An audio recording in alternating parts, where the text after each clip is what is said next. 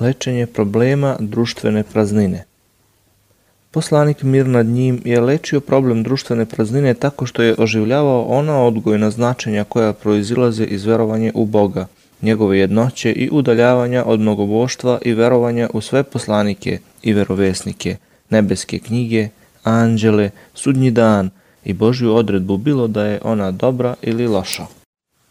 Kao dodatak verovanju srcem, Poslanik mir nad njim je lečio duševnu prazninu pomoću verozakonskih propisanih obreda koji u svakom trenutku povezuju muslimana sa njegovim gospodarom. Najvažniji od tih obreda su pet islamskih stubova, a to su izgovaranje šehadeta, svedočenje da je samo Allah jedini Bog i da je Muhammed njegov poslanik, obavljanje namaza, to jest molitve, davanje zekata, to jest milostinja, deo imovine koji pripada siromašnima, post meseca Ramazana i obavljanje hađa hodočašću u Mekki.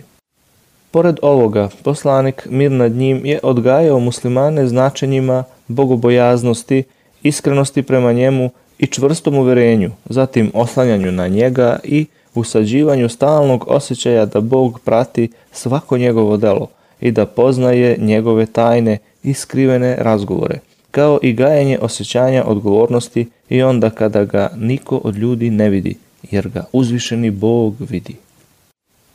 Boži poslanik mir nad njim je rekao Ibn Abbasu. O mladiću, pazi na Boga i On će na tebe paziti. Pazi na Boga, On će uvek biti uz tebe. Ako budeš išta tražio, traži samo od Boga. Ako i od kog budeš tražio pomoć, traži je od Boga. I dobro znaj, kada bi se celi svet sakupio da ti pomogne, neće ti moći pomoći izuzev onim što ti je Bog već odredio. A kada bi se sakupili da ti naude, neće ti nauditi ničim drugim osim onim što ti je Bog propisao. Pera su se osušila, a listovi uzdignuli. U jednom nešto dužem hadisu Anđela Gavrila Poslanik mir nad njim pojašnjava temelje islama, verovanja i dobročinstva. To je jedan od najvažnijih hadisa Božijeg poslanika mir nad njim, koji u veoma kratkoj formi obuhvata islamsku veru u potpunosti. Prenosi se od Omera da je rekao Jednog dana dok smo sedeli kod Božijeg poslanika mir nad njim, pojavi se među nama čovek izrazito bele odeće, izrazito crne kose, Na njemu se nisu videli tragovi putovanja, a niko od nas ga nije poznavao. Seo je pored Božijeg poslanika mir nad njim i prislonio svoja kolena uz njegova, a ruke je stavio na svoja stegna i zatim je rekao Muhammede, obavesti me o islamu. Na to poslanik mir nad njim reče Islam je da svedočiš da nema drugog Boga osim jednog istinskog Boga i da je Muhammed Boži poslanik.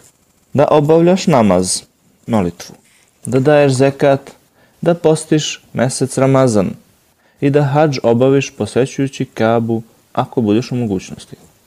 Na to će onaj nepoznati čovek. Istinu si rekao. Mi se začudi smo, pita ga, a zatim kaže, istinu govoriš. Onda taj čovek reče, obavesti me o imanu, verovanju. Poslanik mir nad njim odgovori. Iman je da veruješ u Boga, njegove anđele, njegove knjige, njegove poslanike, sudnji dan i da veruješ u Božju odredbu, odredbu dobra i zla. Na to nepoznati čovek reče.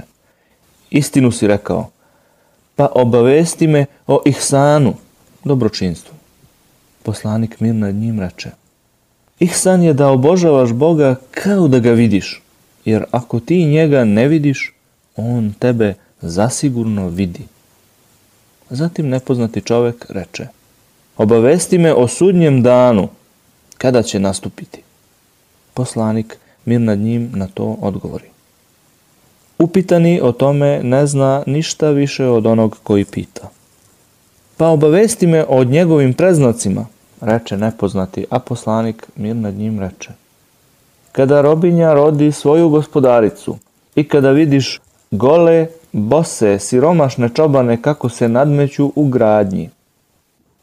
Zatim taj nepoznati čovjek ode.